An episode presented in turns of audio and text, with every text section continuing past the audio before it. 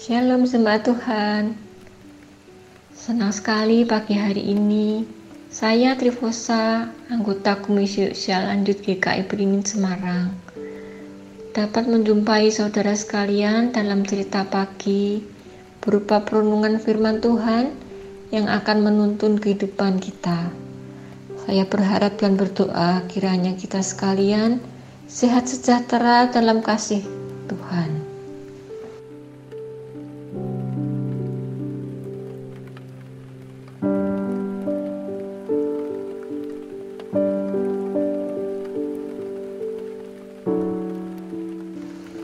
akan saya bacakan ayat firman Tuhan di dalam Yohanes 8 ayat 12. Akulah terang dunia. Barang siapa mengikut aku, ia tidak akan berjalan dalam kegelapan, melainkan ia akan mempunyai terang hidup.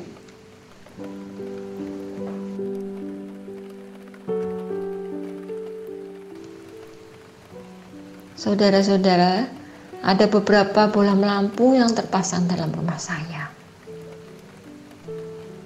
Yang saya nyalakan pada malam hari tentunya.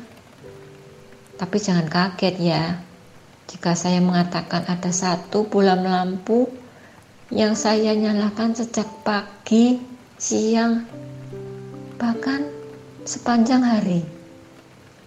Oh, bukan karena ada hal mistik, tapi karena ruang gudang kecil itu gelap dan tak berjendela, sehingga tak ada cahaya sama sekali. Nah, karena bola lampu di ruang gudang ini lebih lama dinyalakan, bahkan biasanya sepanjang hari, dan juga karena saya juga lupa mematikannya, maka bola ini selalu lebih cepat putus dibandingkan bola lampu lainnya. Saat ini pun saya baru saja selesai menggantinya dengan bola lampu yang baru. Saya tekan tombol dan berhasil. Bola lampu menyala kembali. Kemudian saya duduk santai sambil menikmati minuman hangat yang segera akan menghangatkan perut saya terpikir bola lampu tadi yang menyala karena ada energi panas atau daya listrik yang mengalir dalam bola lampu.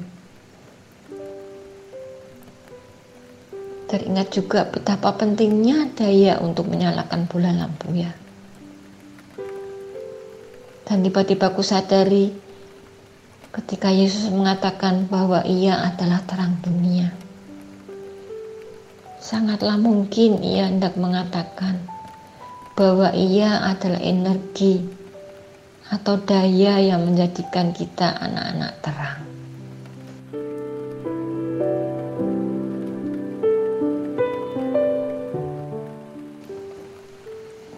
Saudara-saudaraku, di masa pandemi ini banyak orang yang kehilangan kegairahan, semangat, merasa lesu, serta hampa hidupnya.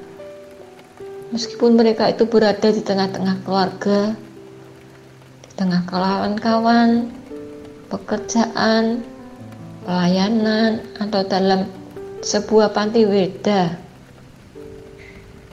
rumah bersama-sama.